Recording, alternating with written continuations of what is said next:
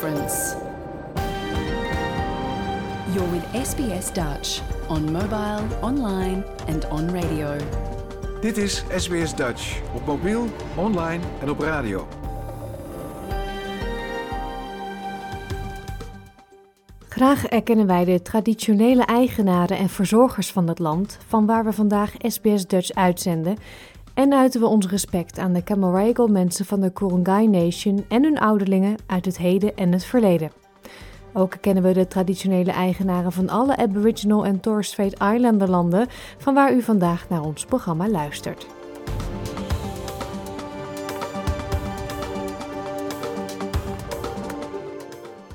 Een hele goede morgen, mijn naam is Paulien Roesink. Welkom bij SBS Dutch, het Nederlandstalige radioprogramma van SBS. Vanwege de zomervakantie zenden we de komende weken de serie De 12 Provincie uit. Afgelopen zaterdag trapten we onze reis door Nederland af met de provincie Friesland. Dit keer gaan we naar Utrecht. Verder een gesprek met Kathleen Luiks uit Port Macquarie. Zij heeft onlangs haar eerste kinderboek geschreven en de aanleiding was de angstige zomer van 2019, waarin er in de regio van Port Macquarie hevige bosbranden woeden. En u hoort meer over hoe het nieuwste Beatles-nummer Nou en Den tot stand is gekomen. Dat en muziek allemaal straks, maar nu eerst het Australische plan voor emissiereductie op lange termijn. Dat is bedoeld om de klimaatverandering aan te pakken die wordt veroorzaakt door de uitstoot van broeikasgassen, die weer worden veroorzaakt door de verbranding van fossiele brandstoffen. Samen kunnen we verschil maken om dit doel te bereiken. Dit is SBS Dutch. De wereld worstelt met de gevolgen van klimaatverandering, waarbij verschuivingen op de lange termijn in de mondiale temperaturen en weerpatronen steeds duidelijker worden. Menselijke activiteiten, zoals het verbranden van fossiele brandstoffen, zoals steenkool, olie en gas, om onze moderne wereld van stroom te kunnen voorzien, zijn de belangrijkste oorzaken van klimaatverandering. Het terugdringen van de uitstoot van broeikasgassen die ontstaan door de verbranding van fossiele brandstoffen is een belangrijke actie die nodig is om de gevolgen van de klimaatverandering te vertragen. Ook moeten meer hernieuwbare energiebronnen worden benut. Australië heeft een langetermijnplan voor emissiereductie. Als we snappen wat het land probeert te bereiken, kan iedereen, van individu tot huishouden en bedrijven, de kans krijgen om mee te helpen aan het beperken van de opwarming van de aarde en de klimaatverandering. SBS Dutch, woensdag en zaterdag om 11 uur ochtends of online op elk gewenst tijdstip.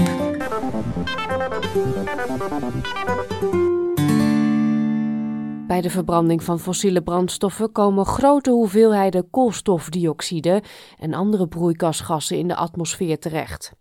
Dit resulteert in een opwarming van de temperatuur wereldwijd, omdat de opeenhoping van broeikasgassen in de atmosfeer van de aarde meer warmte van de zon vasthoudt. Klimaatverandering betekent meer dan alleen maar de opwarming van de aarde. De aarde is een complex systeem en de gevolgen van klimaatverandering zijn ook te zien aan de steeds erger wordende droogtes, branden, overstromingen en stormen.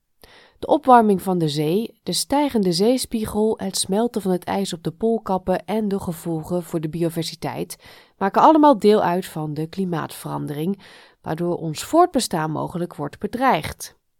Het terugdringen van de impact van klimaatverandering impliceert het terugdringen van de hoeveelheid broeikasgasemissies en het overschakelen van het gebruik van fossiele brandstoffen naar hernieuwbare energiebronnen zoals wind, zonne- en golfenergie. Australië heeft een langetermijnplan voor de reductie van de uitstoot van broeikasgassen geïmplementeerd om de opwarming van de aarde te beperken. Dr. Simon Bradshaw, die als onderzoeksdirecteur bij de Klimaatraad onderzoek doet naar klimaatverandering, legt uit met welke uitdagingen we te maken hebben. Australia, like most countries, has committed to achieving net zero emissions by 2050. Now, that's a lot of change. That means repowering the way we are powering our homes and our industries, so changing the way we produce electricity getting much more energy from the sun and the wind into our electricity system and very quickly moving beyond fossil fuels entirely. En hoewel 2050 nog ver weg lijkt, zegt Dr. Bradshaw dat de tijd begint te dringen om actie te ondernemen om de uitstoot te verminderen. Now, the science is clear that globally we've got to roughly halve those greenhouse gas emissions this decade and get to net zero emissions as soon as possible. So, we've got to deal with that urgently if we're to have a safe and prosperous future. And that means getting our greenhouse gas emissions down as fast as we can, which begins with leaving our fossil fuels in the ground. De Australische regering heeft in 2022 de Climate Change Bill geïntroduceerd, waarin de Australische doelstellingen voor de reductie van de uitstoot van broeikasgassen wordt uiteengezet. Aaron Tang, die als onderzoekspartner werkt aan klimaatbeleid bij het Center for the Study of Existential Risk aan de Universiteit van Cambridge en een doctoraat heeft en docent is aan de Australian National University, legt het uit. Australia's climate change bill aims to reduce emissions by 43% from 2005 levels by 2030 and reach net zero emissions by 2050. Now, this is a big picture target. Australia has previously had a bit of trouble maintaining consistent climate policy at the federal level. The climate change bill hopefully provides much needed stability moving forward and is a foundation for even more ambitious action in the future. Netto nul emissie betekent het bereiken van een algeheel evenwicht tussen de geproduceerde broeikasgasemissies en de broeikasgasemissies die aan de atmosfeer worden onttrokken. Om een netto nul emissie te bereiken zijn volgens Dr. Tang investeringen in duurzame energie nodig. We get half of our energy from burning coal. Investing in other ways to produce energy in Australia will not only reduce our own emissions and lower energy prices, but also create economic opportunities across the Asia Pacific. We can be world leaders in renewable energy industries. Dr. Bradshaw is het ermee eens dat Australië in een ideale positie verkeert om het voortouw te nemen op het gebied van het gebruik van hernieuwbare energie.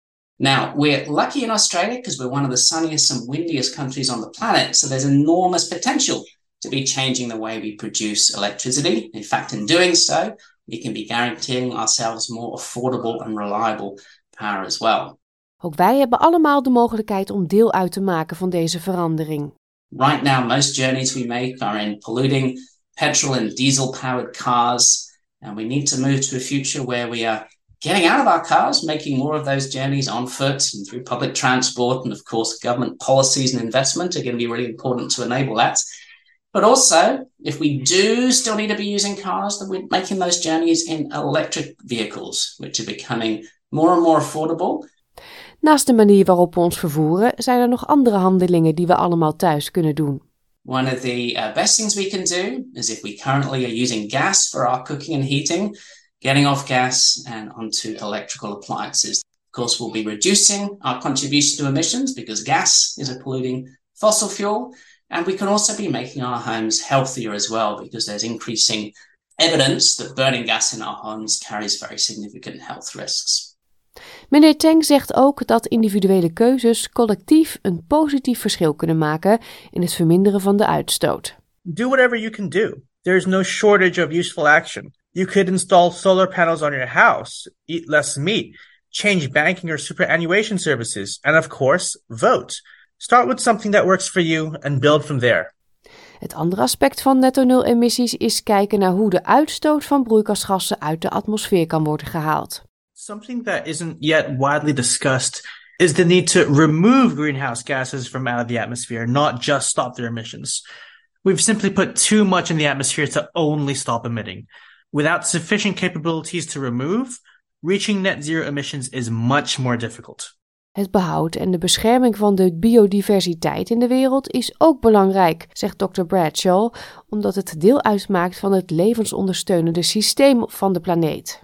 We need to be protecting the ecosystems, the precious forests, and uh, other amazing environments around Australia that are so important in maintaining a safe and livable climate for all of us and protecting biodiversity and everything that matters. De weg van Australië naar emissiereductie zal een uitdaging zijn, zegt Tang, maar er is hoop. The path ahead is difficult, but we specialize in overcoming difficult problems and doing amazing things. COVID showed us that when we need to, we are more than capable of making big investments and big actions happen. Als individuen, huishoudens of bedrijven kunnen we allemaal een rol spelen in het bereiken van emissiereductie, zegt Dr. Bradshaw.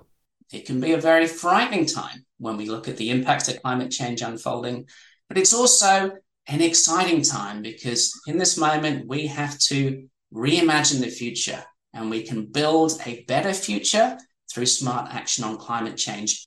Every decision matters. We together are creating a better future for young people alive today in Australia, around the world, and of course, future generations as well. Het eerste liedje van vandaag is Heel de Wereld. Het liedje waar Corrie Brokken in 1958 voor de derde keer meedeed aan het Eurovisie Songfestival. Nederland is misschien niet zo groot qua oppervlakte, toch is het land opgedeeld in een twaalftal provincies. En ook al zit er ongeveer 300 kilometer tussen het noorden en het zuiden van het land, het verschil tussen de provincies is toch best wel groot. In de podcastserie De 12 Provinciën leren we de Nederlandse provincies beter kennen, dankzij de verhalen en herinneringen van in Australië woonachtige Nederlanders. Vandaag stoppen we in Utrecht. Dit is SBS Dutch. Utrecht, centraler in het land, kan bijna niet.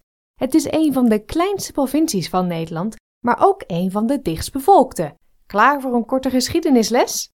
De Utrechtse geschiedenis start met de komst van de Romeinen zo'n 2000 jaar geleden. In die tijd, rond 47 na Christus, liep de Rijn dwars door de regio en de Romeinen gebruikten de rivier als noordgrens voor hun rijk. Ze bouwden een fort waarvan de overblijfselen onder het Domplein liggen.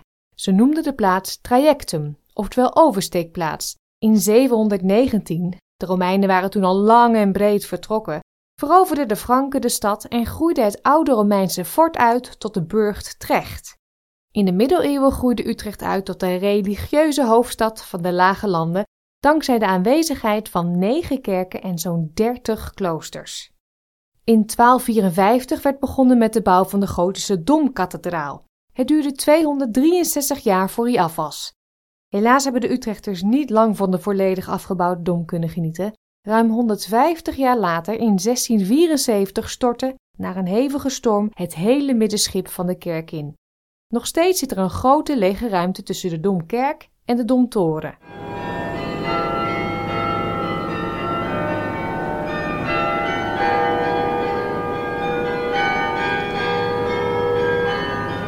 Echte Utrechters herkennen dit geluid meteen. Dit is het carillon van de Domtoren, waarop in dit geval Dancing Queen van ABBA werd gespeeld. Wist je dat Utrecht een half jaar lang de hoofdstad van Nederland is geweest? Dat was in 1808, toen Nederland nog Koninkrijk Holland heette en Lodewijk Napoleon Bonaparte er woonde. In 1813 werd Nederland bevrijd van de Fransen en werd Utrecht een provincie binnen het Verenigd Koninkrijk der Nederlanden. De huidige provincie Utrecht kent een grote verscheidenheid aan landschappen. Zo heb je bijvoorbeeld de landelijke Lopikkerwaard, het veenweidegebied rond Vinkeveen, de Loosdrechtse plassen en de Utrechtse Heuvelrug. Ook beschikt de provincie van oudsher over vele vaar-, spoor- en wegverbindingen. De Provinciale Staten van Utrecht koos in 1952 een vlag. Het heeft twee horizontale banen in de kleuren wit en rood. In de witte baan staat linksboven een rood vierkant kanton met daarin een wit kruis. Langs de Vecht en Doude Rijnstroom zou het Utrechtse volkslied zijn.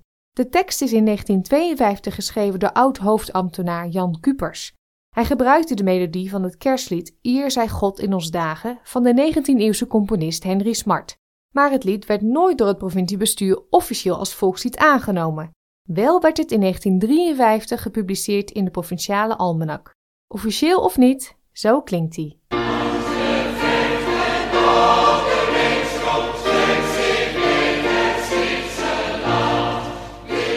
Naast Utrechtstad zijn er nog heel veel andere leuke plekken in de provincie. Neem Amersfoort, de stad met als bijnaam Keistad.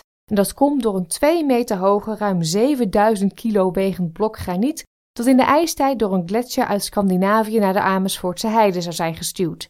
Na vele omzwervingen en heel veel jaren later is de kei in 1954 op een voetstuk geplaatst in het stadscentrum. In Amersfoort staat ook het Mondriaanhuis, het geboortehuis van de kunstschilder Piet Mondriaan. Tegenwoordig is het huis een museum over zijn leven en werken. Ook de piramide van Austerlitz op de Utrechtse Heuvelrug is de moeite waard. Deze piramide werd in 1804 door Franse soldaten gebouwd ter ere van Napoleon Bonaparte.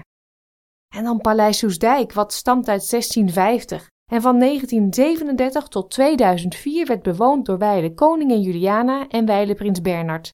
30 jaar lang, liep op 30 april een kilometerslange stoet met mensen uit heel het land langs het bordes van Soesdijk, het zogenaamde défilé. Hoewel een dag later dan de officiële datum die op zondag viel, vierde Nederland de 69e verjaardag van de koningin even gretig en uitbundig als in andere jaren. En dat betekende op Soesdijk weer het gebruikelijke défilé, waarvoor de jarige vorstin met prins Bernhard en met alle kinderen en kleinkinderen weer bijna twee uur lang op het bordes vertoefde. Sinds 2017 is het paleis niet langer eigendom van de Nederlandse staat. Het is nu in particulier bezit en er worden concerten en andere evenementen georganiseerd. In de provincie Utrecht staat ook het grootste kasteel van Nederland. Kasteel de Haar in het dorpje Haarzuilens. Fort Rijnauwe is het grootste fort van de Nieuwe Hollandse Waterlinie. Dit fort vormde samen met Fort Vechten een belangrijke positie in het verdedigen van Utrecht. In het plaatsje Oudewater vind je de oude heksenwaag. Deze weegschaal werd vroeger gebruikt om te bewijzen dat iemand een heks was. Utrecht stad was de thuisstad van schrijver Dick Bruna, de geestelijk vader van Nijntje. Maar de meest bekende inwoner is misschien toch wel... Geachte Plottenbos. Hier volg een baantje van Leni uit de Takenstrot. Ik heb er een vlot moppie op gezongen. Ze hebben mij opgenomen in een cassette recorder. Leni uit de Takkenstraat, het typetje waarmee cabaretière Tineke Schouten doorbrak bij het grote publiek. Andere bekende Nederlanders uit de provincie Utrecht zijn topvoetballer Marco van Basten, zanger Henk Westbroek van Het Goede Doel en cabaretier Herman Bekkin, die ook bekend werd met zijn ode aan Utrecht. Utrecht bestaat, je daar gebeurt van alle hand. Het bruis aan alle kant, het hartje van het land. Tijd om de Utrechters zelf aan het woord te laten. Hoe omschrijven zij de provincie en de stad?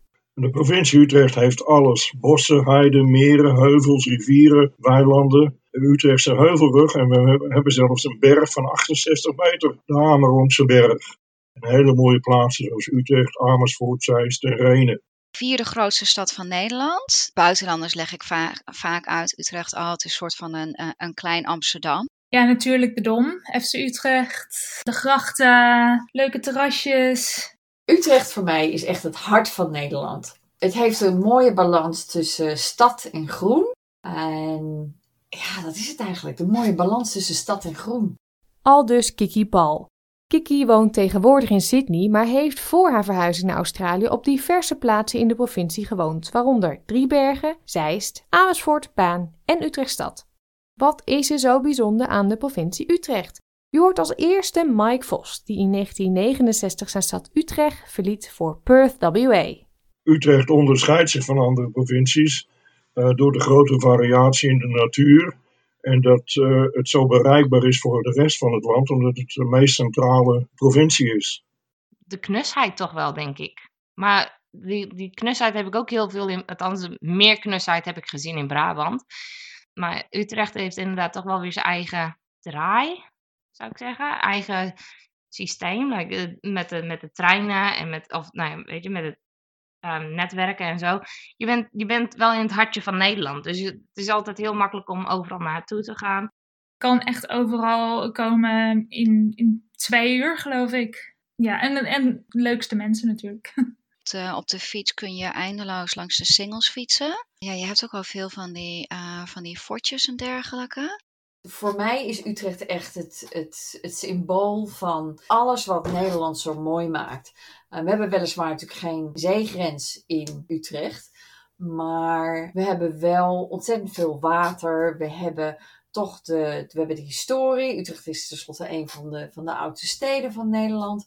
We hebben de verbinding met alle andere provincies. Het zit echt in het midden. En ik denk dat, dat, dat, dat die centrale rol, dat dat het gewoon net toch even anders maakt van alle andere provincies. Mijke Maarseveen woonde in Nederland in Utrechtstad en Nieuwegein, maar is inmiddels neergestreken in Geelong in Victoria. Aan haar stelde ik als eerste de vraag of de echte Utrechter bestaat. Oh, dat zeker. Dat... Ontmoet mijn familie en je weet wie de echte Utrechters zijn. uh, plat. Altijd met een Utrecht. Nou ja, ze hebben een eigen taaltje. Het is um, niet zoals Frieslanders, maar ze hebben wel een eigen dialect. Um, alles uh, nummertje 88 en ik woon in Utrecht. Ja, en iedereen is heel dicht bij elkaar. Wat je ook inderdaad hier niet in Australië hebt. Maar je tante en oom die wonen hier maar vijf, tante wonen maar vijf minuutjes van je vandaan. Je bent een echte Utrechter als je achterlijke gladiool kunt zeggen. Dat is, ja, voor, voor mij is dat echt een, een heel Utrechts iets. Nou, dan moet je bijvoorbeeld wel het Utrechtse volkslied kunnen zingen. Uh, als ik boven op de dom sta, kijk ik altijd naar beneden bij Rijk de. Of het andere volkslied bij Herman Berkien, Utrecht Mestatie, wat echt plat Utrechts is. En dan moet je ook wel van Dom Torentjes, dat zijn uh, chocolade vormen met een soort moes erin, eten. En fokkingworst, fokking leverworst, die door heel Nederland verkocht wordt. Zoals je hoort zijn deze in Australië woonachtige Utrechters bijna allemaal geboren en getogen in de stad Utrecht. Zo ook Sophia Luikinga, die nu in Melbourne woont. Is zij trots op haar stadsie en zo ja, waarom? Ja, ja, zeker. Ik denk gewoon omdat ik geboren getogen ben in Utrecht. Ik heb zoveel herinneringen. Ik vind het gewoon super gezellig. En uh, wat, wat mij toch wel altijd trots maakt, is uh, dat als ik. Um, ik heb wel eens iemand, een buitenlands iemand, meegenomen naar Utrecht, die dan eerst naar Amsterdam is geweest. Uh, nou, maakt de Amsterdammers uh, die hier naar luisteren natuurlijk niet zo heel gelukkig mee. Maar die zeggen dan, iedereen zegt van, nou, Utrecht is zoveel leuker dan Amsterdam. Dankjewel voor het laten zien. Dat had ik echt niet zelf uh, opgekomen. Dus dat maakt me altijd wel echt, echt erg trots.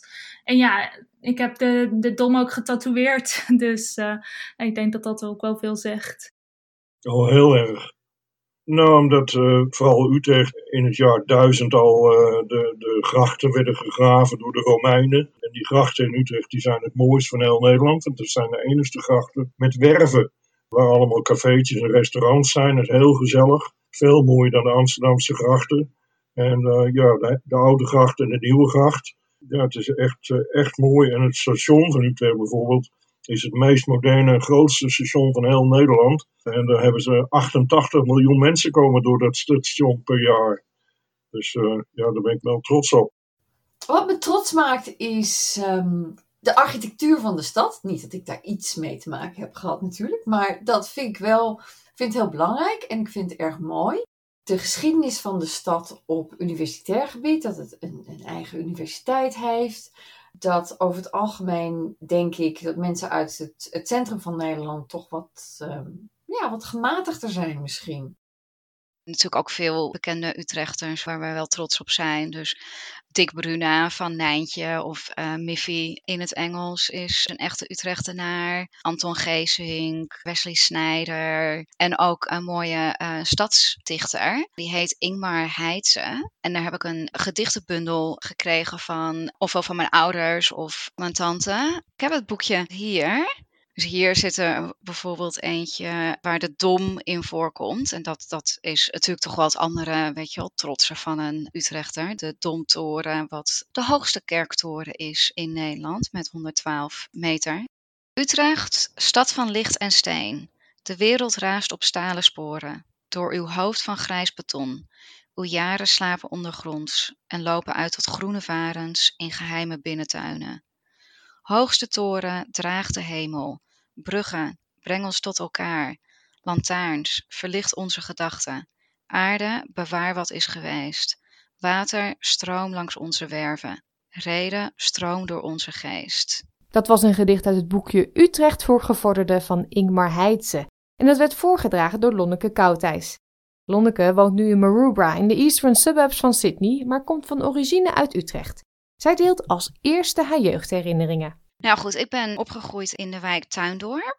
Dus nou ja, dat is wel een hele kinderrijke wijk. Dus we hadden heel veel vriendjes en vriendinnetjes daar. En er werd veel buiten gespeeld. Dus dat, dat was leuk. En zeg maar het huis waar ik opgegroeid ben, dat als ik in Utrecht ben, dan uh, zeg ik altijd wel even, oh, kunnen we nog even langs ons oude huis rijden? Weet je wel? Dus dat, nou ja, zijn, zijn zeg maar echt hele goede herinneringen. Wat heel erg leuk is, is dus als het koud genoeg is en het vriest. En dan kun je dus zeg maar daar op natuurijs langs al die fortjes schaatsen. Dat, dat is wel erg leuk. Uh, en überhaupt schaatsen is, is wel iets wat ik heel erg leuk vind. En ik deed met mijn vader ook allerlei tochten. Redelijk jong, volgens mij was ik, nou ja, ik weet niet, iets van, van tien of twaalf. En dan zochten we een mooie, of nou ja, goed, mijn vader zocht dan een mooie tocht uit. En dan gingen we echt kilometers schaatsen over natuurijs. Nou ja, fantastisch. Utrecht heeft heel veel water, heel veel slootjes en, en dat soort dingen. En toen ik een jaar of zes, zeven was, toen ehm, kon ik naar de sloot achter in onze tuin. En als je het slootje volgde, dan kwam je dus door alle andere achtertuinen. En een stuk verderop stond een, eh, een wit bad naast de sloot. En in dat bad zaten visjes. En dat vond ik zo zielig dat die visjes daar in dat bad zaten. Dat ik dus met een vriendje samen al die visjes uit dat bad heb getrokken. En in de sloot heb gedumpt. Want ik vond er, hè, dan konden ze lekker rondzwemmen. Ehm, die sloot, die was zwart en redelijk zompig. Er was echt niet zoveel water wat daarin stond. En de buurman van dus een aantal huizen verder, die had met heel veel pijn en moeite, had hij die visjes heel ergens anders gevangen. En die kwamen dus ook helemaal niet überhaupt uit die sloot om mee te beginnen. Dus die was redelijk boos en die heeft ehm, vervolgens aan de bel getrokken bij mijn ouders. En die was, was niet onder de, onder de indruk. Terwijl ik toch vond dat ik zo mijn best had gedaan. Ik heb uh, de eerste paar jaren uh, van de middelbare school op het Gregorius gezeten. En nog in het oude gebouw op de Kromme Nieuwe Gracht, geloof ik. En um, in pauzes, uh, nou ja, zoals je als, uh, als jonge adolescent doet, ga je, ga je hangen op de uh, buiten. dus dan bij bakkerij Molenbeek een, een croissantje halen en dan op de gracht, op de brug gaan staan hangen met je fiets. En dat dan Dick Bruna um, vrijwel redelijk vaak voorbij komt fietsen. Dat soort dingen doet me toch echt wel leuk aan Utrecht denken. We hadden enorme vrijheid als kinderen. Ik woonde in het hartje van de binnenstad. Mijn vader had twee bloemenzaken in de binnenstad. En je kon overal rondlopen uh, en spelen. En, en je, je leefde eigenlijk in de geschiedenis. Dus al die oude gebouwen van de oude grachten en de Dom. We woonden 100 meter van de Dom. We keken s'avonds uit het raam en je zag de klok van de Dom verlicht. Je hoorde dag en nacht uh, welke tijd het was. Je kon overal in parken spelen. Het was heel vrij en veilig. De herinnering van Mijke heeft te maken met voetbalclub FC Utrecht. Dat zal toch wel inderdaad FC Utrecht moeten zijn. FC Utrecht. inderdaad daar altijd heen gaan met mijn vader. Tien minuutjes op de fiets naar het stadion. Nou ja, daar, uh, daar de wedstrijd kijken. En vroeger was het nog uh, dat de spelers naar het supportershome kwamen. Voor de wedstrijd en na de wedstrijd. Dus dat vond ik altijd wel heel gaaf om dan met mijn pa mee te gaan. En dan nou was ik degene, omdat ik het jonge meisje was, die de handtekeningen van alle FC Utrecht spelers verzamelde. En ja, de Dom natuurlijk. Om daar onderdoor te fietsen vind ik ook altijd wel heel gaaf. En met FC Utrecht komen we aan het einde van deze podcast over de provincie Utrecht. We sluiten af met een liedje uit 1956 waarin de bekendste toren van de hoofdstad bezongen wordt. Dit is Rijk de Gooier met Als ik boven op de dom kom. Als ik boven op de dom kom, kijk ik even naar beneden. Dan zie ik het oude graagje, het Vreeburg en Wijkzee. Ja, dan springt mijn hartje open. Ik ben trots, wat daar wat. Er is geen mooier plekje als Utrecht mijn staat. Als Utrecht mijn staat. Ze zingen in ons landje, bij ons in de Jordaan. Van dat gaat naar de bos toe en we gaan naar de zaan. Maar het mooiste wordt vergeten, dat is toch zeker schand. Er is nog zoiets als Utrecht in het hartje van ons land. Als ik boven op de dom kom, kijk ik even naar beneden. Dan zie ik het oude graagje, het Vreeburg en Wijkzee. Ja, dan springt mijn hartje open. Ik ben trots, wat hier wat. Er is geen mooier plekje als Utrecht mijn staat. Als Utrecht mijn staat. Kom op station eens kijken, het barst er van de rails. We hebben de hoogste toren heus, dat is iets crimineels. Daar heb je nog de jaarbeurs, de Rijn. En voor de mooiste grietjes moet je ook in Utrecht zijn. Als ik boven op de dom kom, kijk ik even naar beneden. Dan zie ik het oude graagje, het Vreeburg en Wijkzee. Ja, dan springt mijn hartje open. Ik ben trots, wat daar dat. Er is geen mooier plekje als Utrecht mijn staat. Als Utrecht mijn staat.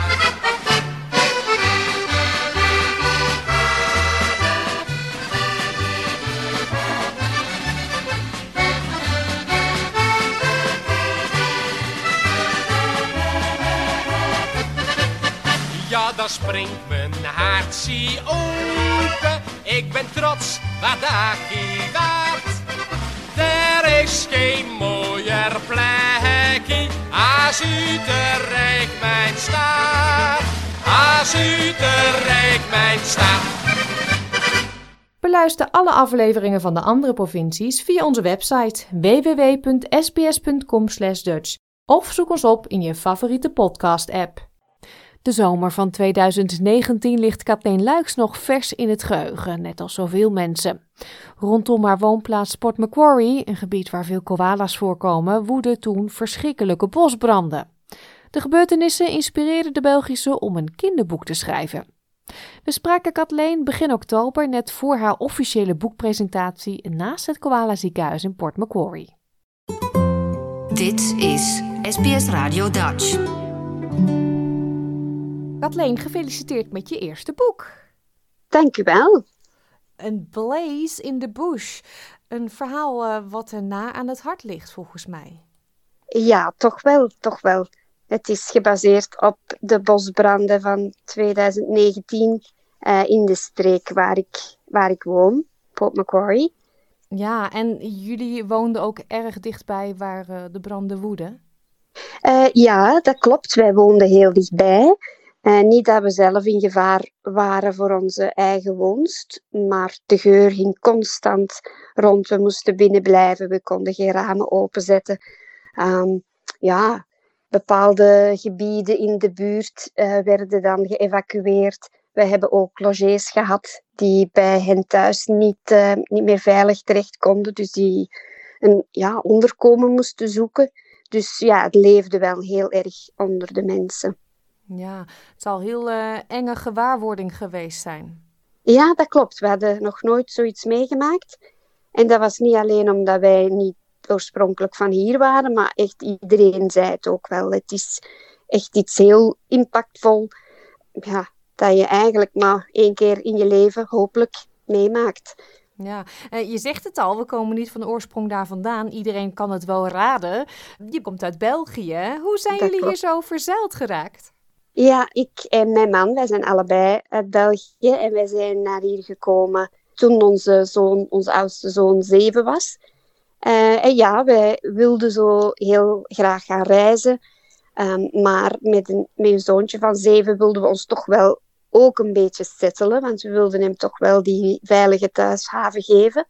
Dus hebben wij besloten om te verhuizen en te zien hoe hij daarop zou reageren, hoe we er zelf op zouden reageren. En ja, we zijn dus gebleven, want we zijn hier nu ondertussen toch tien jaar. Ja, in de Port Macquarie-regio. Ja, ja. Toen dat gebeurde, die bosbranden, had je toen meteen het idee: ik moet hier een verhaal over schrijven, een boek over maken? Um, niet direct. Uh, het is uh, eigenlijk pas nadien, toen wij wij merkten dat het over, eigenlijk over de hele wereld groot nieuws was. En hoe, hoezeer mensen begaan waren uh, met de, de natuur vooral en de, en de dieren, vooral de koala's. Dat was zoiets dat heel erg aansprak en um, ja, tot de emoties wereldwijd sprak eigenlijk. Um, en mijn, mijn neef, die in België woonde, die stuurde regelmatig berichtjes van hoe gaat het daar. En, want voor hen, voor, voor hen in, in België en ik, ik veronderstel Nederland, heel Europa, ze dachten dat heel Australië in brand stond. Dus ik heb dat wel een klein beetje moeten duiden. Maar het klopte wel. De wereld was mee en ze maakten zich ook mee zorgen. En het is eigenlijk mijn neef die, die het idee naar mij heeft gebracht van kan je daar eens geen boek over schrijven, want we, we hadden al eens gepraat over samen een verhaal maken, omdat ik wist dat hij heel mooie illustraties kan maken. En hij gaf me eigenlijk dat idee een beetje en zei, zou dat niet eh, iets zijn dat kan aanslaan, zoiets? En dan zijn we samen beginnen zoeken en op de, op de duur, het ene idee kwam na het andere. En op de duur was, was het niet meer zo heel duidelijk welk idee van wie kwam, maar ik heb dan het verhaal uitgeschreven, uh, eerst in het Nederlands en dan heb ik het vertaald in het Engels. En op die manier bij een publisher terechtgekomen. En zo uh, ook hem naar voren geschoven als zijnde een goed illustrator. En het is eigenlijk een beetje gek, want hij is nooit in Australië geweest, maar de manier waarop dat hij de, de beelden heeft weergegeven, naar foto's te zien die ik hem stuurde en, en ook van de dieren hier. Het is gewoon prachtig, vind ik, het resultaat, al zeg ik het zelf. En eigenlijk toch wel opmerkelijk, omdat hij hier dus nog geen voet in Australië heeft gezet. Nee, ze zijn echt heel schattig ook, vind ik, de tekeningen. Ja, ja. Het is heel erg uh, ja, op jonge kinderen gericht, natuurlijk. Dus jullie zijn samen een goed team. Uh, kan je in het kort vertellen wat er allemaal, natuurlijk niet alles verklappen, maar wat er in het boek zoal gebeurt? Want het gaat natuurlijk over een bosbrand. Ja, ja, het gaat over een bosbrand. Dus het, het begint met de dieren uit het eucalyptuswoud die iets ruiken, die merken dat het al zo lang droog is, dat er hangt een brandgeur in de lucht. Ze zijn, ze zijn een beetje ongerust. Ze willen graag uh, er iets aan doen, want hun, hun huis is in gevaar. En uh, ja, ze, ze willen iets doen om ja, dat uh, gevaar tegen te gaan. Dus ze spreken af dat ze op de uitkijk gaan staan. Ze vormen een Woodwatch team. Uh, en ze gaan patrouilleren in het woud en kijken wat nu de oorzaak is van die brand. Ondertussen um, ja, ontdekken ze dat ook de mensen helpen om de brand te blussen. De, de, ja, de brandweer komt erin voor. Uh, enkele mensen die begaan zijn met dieren die hen water brengen en zo van die dingen. Dus dat komt er ook in. Uh, en dan uiteindelijk merken ze dat, uh, het, ja, dat het een klein schattig draakje is. Die moet niezen en daardoor vonkjes veroorzaakt, waardoor er eigenlijk brand ontstaat. En het draakje is er zelf uiteraard niet gelukkig mee. En dan zoeken ze naar oplossingen waardoor dat niezen kan stoppen. Maar uiteindelijk vinden ze wel een oplossing. Maar natuurlijk, die brand die is er al. En dat is ook wat in het echte leven zo is.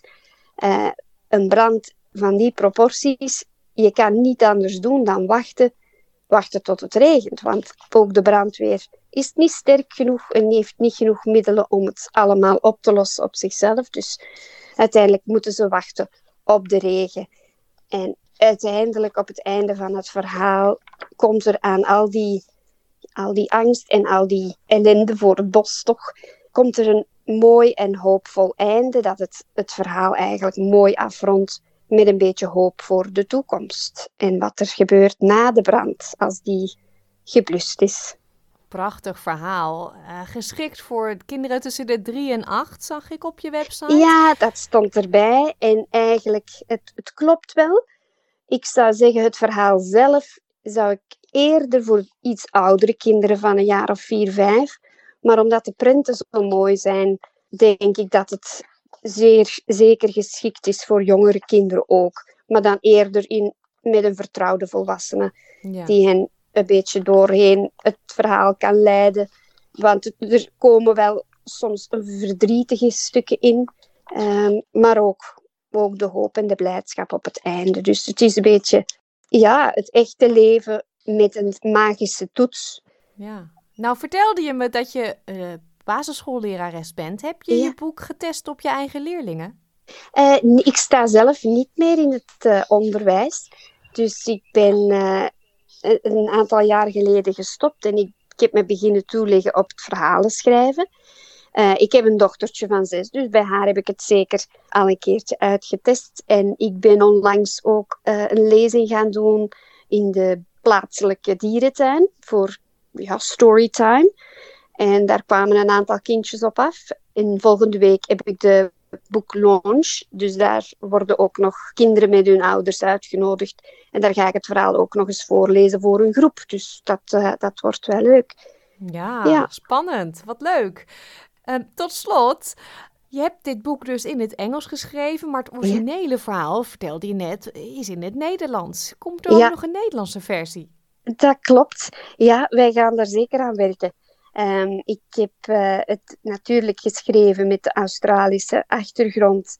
Dus ik dacht, het gaat het meest aanspreken hier in Australië zelf.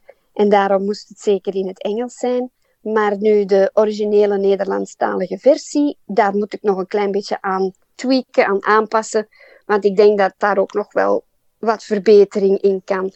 Dus dat ga ik nu doen. En dan uh, is het de bedoeling dat mijn neef Raf Luiks, die de mooie illustraties heeft gemaakt, dat die dan in België eens gaat uh, rondhoren of dat er daar een uitgever geïnteresseerd kan zijn. Maar met een boekje in handen is dat natuurlijk gemakkelijker, denk ik, eenvoudiger. Ja. Uh, om te laten zien wat het resultaat kan worden. Ja.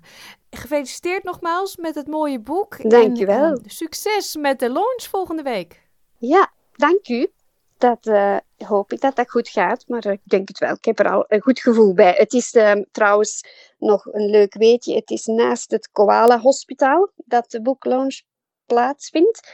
Dus er kon eigenlijk geen betere setting vinden dan die voor dit verhaal.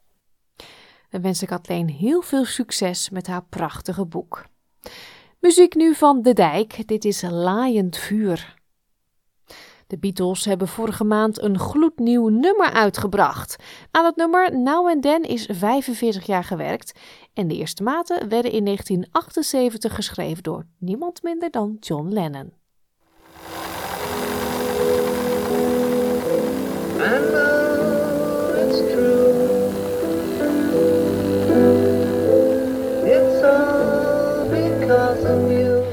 Jaren 70 nam John Lennon die demo op in zijn appartement in New York. Ruim 40 jaar later en met behulp van kunstmatige intelligentie is dit het nieuwste en laatste nummer van de Beatles dat is uitgebracht. One, two.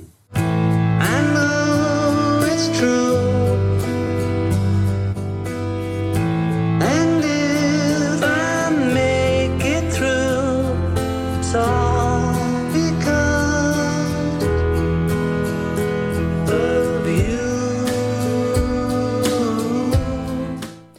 Begon allemaal in 1994 toen Johns weduwe Yoko Ono de demo aan Paul McCartney gaf. Het was een cassettebandje, maar daarop geschreven voor Paul. Het is een opname die volgens John's zoon, Sean Ono Lennon, warme herinneringen aan zijn vader oproept. I do remember living at the Dakota with dad and mom. There's this impression that my dad stopped doing music for a while to raise me, which I think is partially true in terms of him not touring and not fulfilling any major record label obligations.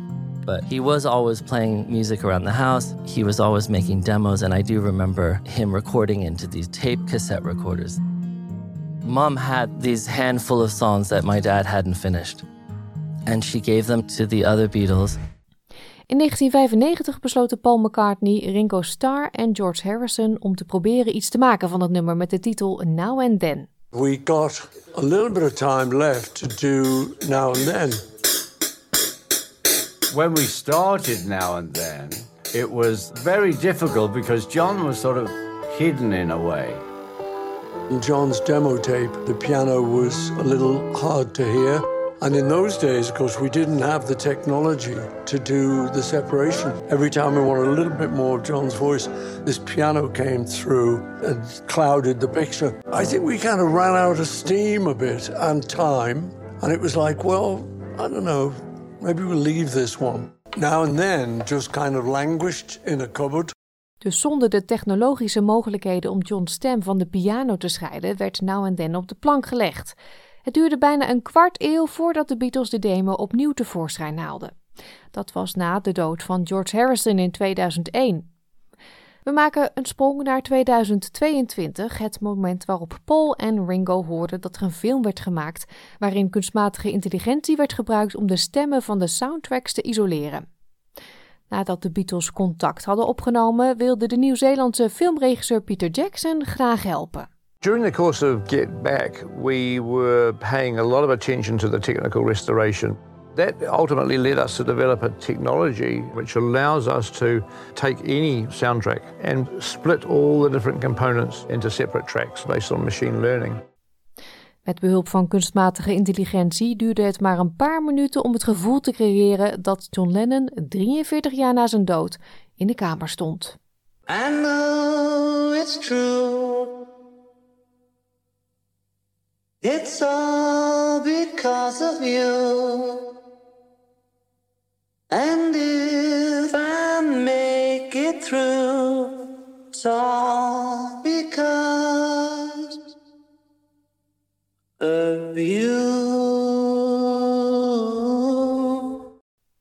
28 jaar nadat ze de demo voor het eerst hadden ontvangen, gingen Paul en Ringo aan de slag met het toevoegen van instrumenten, zoals de bas, de drums, strijkers en een gitaarsolo in de stijl van George. Dit hadden ze nodig om een typisch Beatles-nummer te creëren als eerbetoon aan hun overleden vrienden. Hoewel Beatles-fans en muziekliefhebbers uitkijken naar de nostalgie van het horen van een nieuwe plaat met de stem van John Lennon, zeggen experts op het gebied van kunstmatige intelligentie dat dit soort herstel al langer plaatsvindt. Patrick Hutchins is hoofd kunstmatige intelligentie bij generatief muziekplatform Amy. I think it's quite exciting. I think it's very interesting. The the way that they've they've done it is respectful and interesting.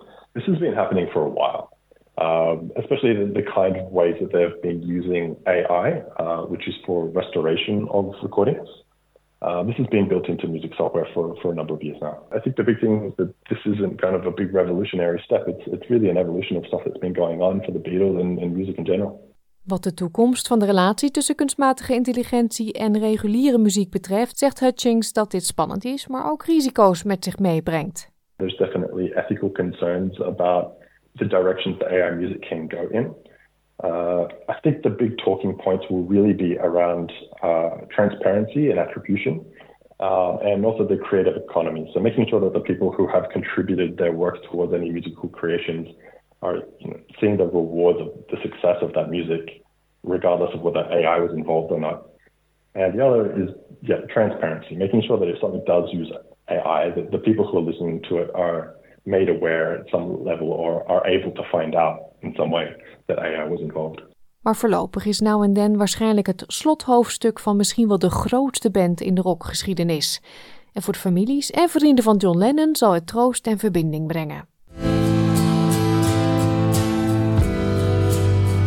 It was incredibly touching to hear them working together after all the years that my dad had been gone. It's the last song that my dad and Paul and George and Ringo will get to make together. All of those memories come flooding back. My God, how lucky was I to have those men in my life? Now and then, it's probably like the last Beatles song. And we've all played on it, so it is a genuine Beatle recording. Dit verhaal werd gemaakt door Kira Heen voor SBS Nieuws en in het Nederlands vertaald door SBS Dutch.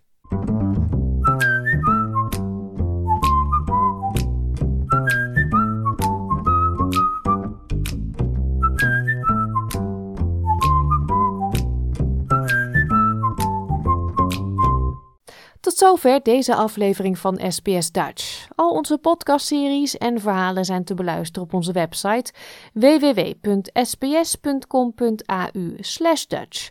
Ook kunt u de gratis SBS Audio app downloaden. Dit kan gratis dus, zoals ik al zei, in Google Play of in de App Store. We zijn ook op Facebook te volgen. Zoek ons op. SBS Dutch is de naam of ga naar www.facebook.com/sbsdutch.